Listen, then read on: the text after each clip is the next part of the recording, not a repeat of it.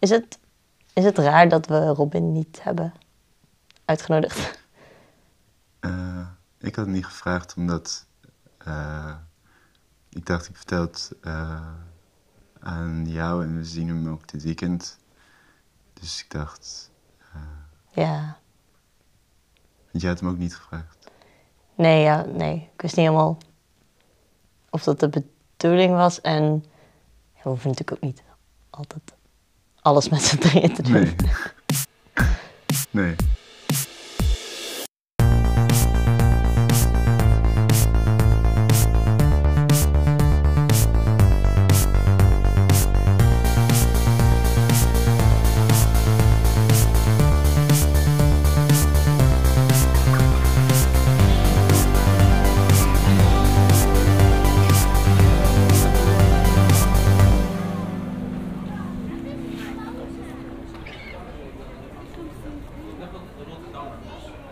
Soms, als ik het echt niet meer weet, ga ik handige dingen kopen.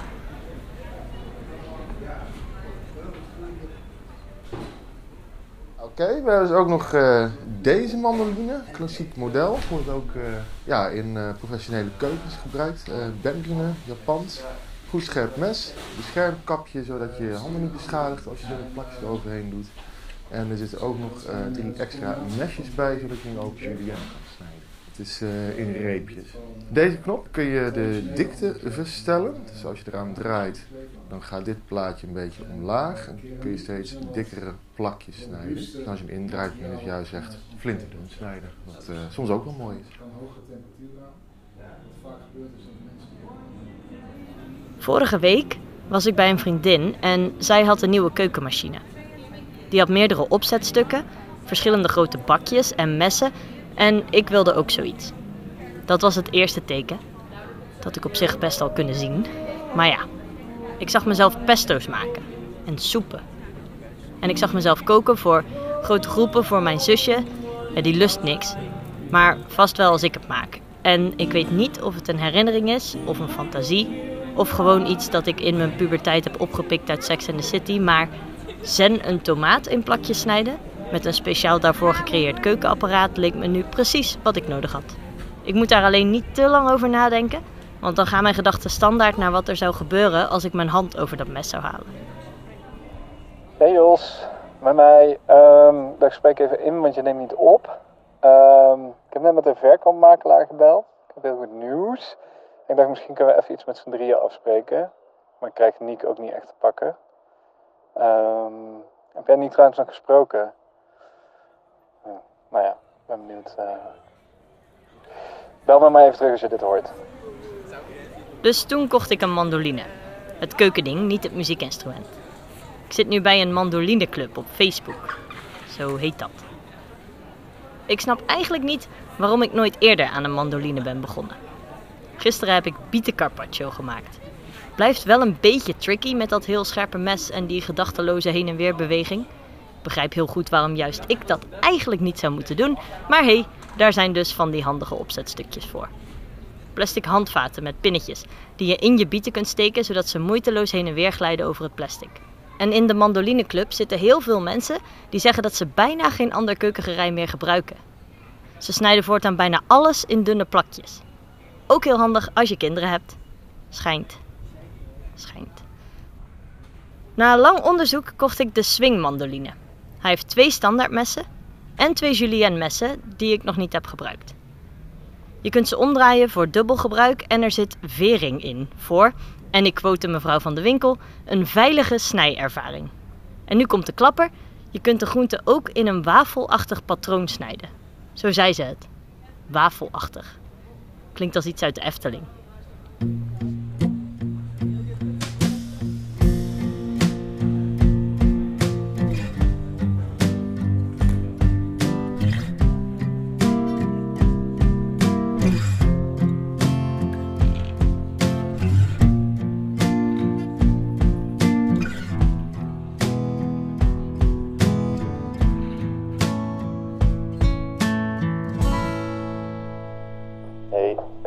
Als je misschien even uh, opneemt. Uh, ik zat nog even na te denken over gisteravond en ik weet niet. ik weet niet of jij het er nog over wil hebben.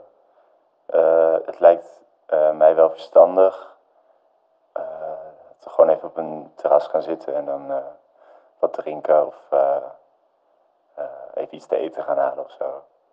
Um, dus dat we daar een afspraak voor maken. Als jij dat ook wil, bel me terug en anders laat gewoon even iets weten.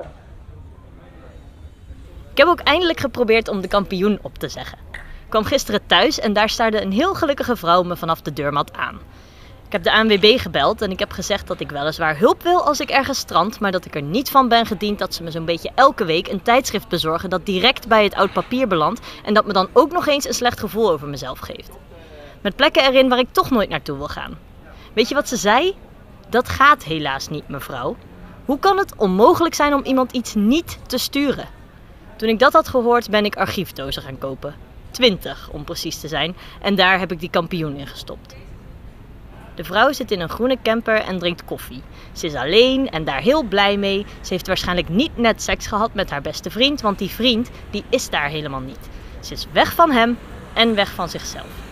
Wandelen op de Veluwe, een dagje Nijmegen. Ze heeft vast een mooie fiets gekocht, die van pagina 42. Of ze is een nachtje weg, nachtje over. Waarom maar een nachtje? Hoe kom je ooit van jezelf weg in een nachtje?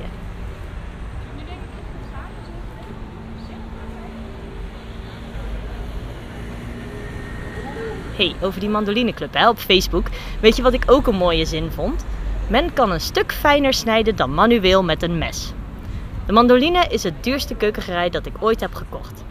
Sommige mandolines worden geleverd met een speciale snijbestendige handschoen. Ik vind dat fantastisch. Een keukenapparaat waar je beschermende kleding voor nodig hebt. Al zou je het gewone keukenschort daar natuurlijk ook te kunnen rekenen, nu ik erover nadenk. Een van de mooiste dingen die ik zag bij de Mandolineclub was de spiraalsnijder.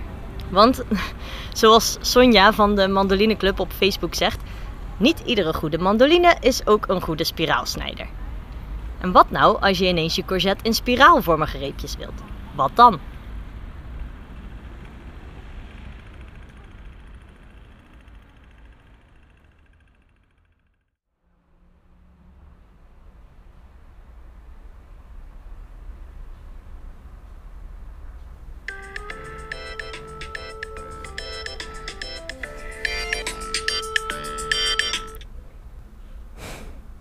hay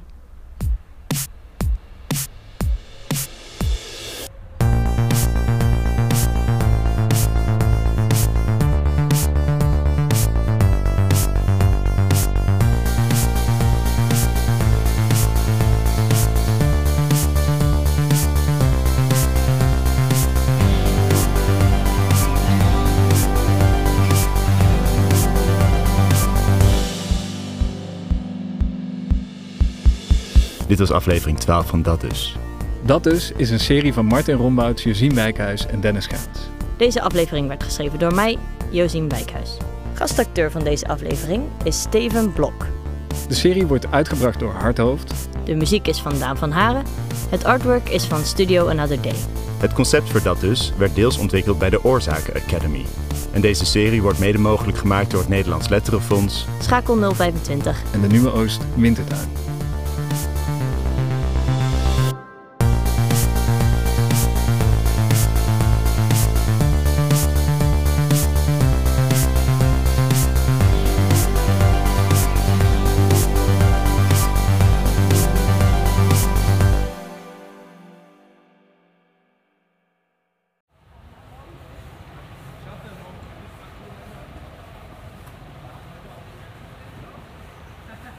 Hey, Dennis hier, vanuit uh, Berlijn. De plek waar uh, mijn personage Robin naartoe wil. En we weten natuurlijk niet of, uh, of hem dat lukt en als hem dat lukt, of hem dat bevalt. Want dit, dit was het einde. De laatste aflevering van dat dus. Maar in ieder geval toch voorlopig dan.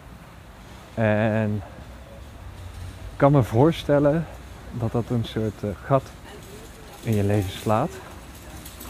Wat moet je nou luisteren? Moet dat dus voorbij zijn? je kunt dat dus natuurlijk nog eens luisteren. Um, maar als je nog een tip zoekt, kan ik je van harte de podcast Geel aanraden. Kijk, voor mij is dat dus eigenlijk vooral een experiment in vorm.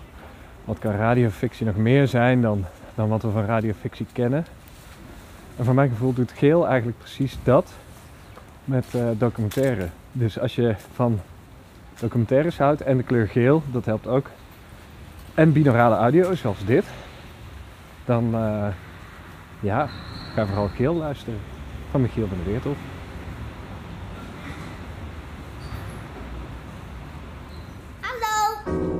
Hallo, ik ben Michiel en dit is Geel. Een podcast over de kleur Geel.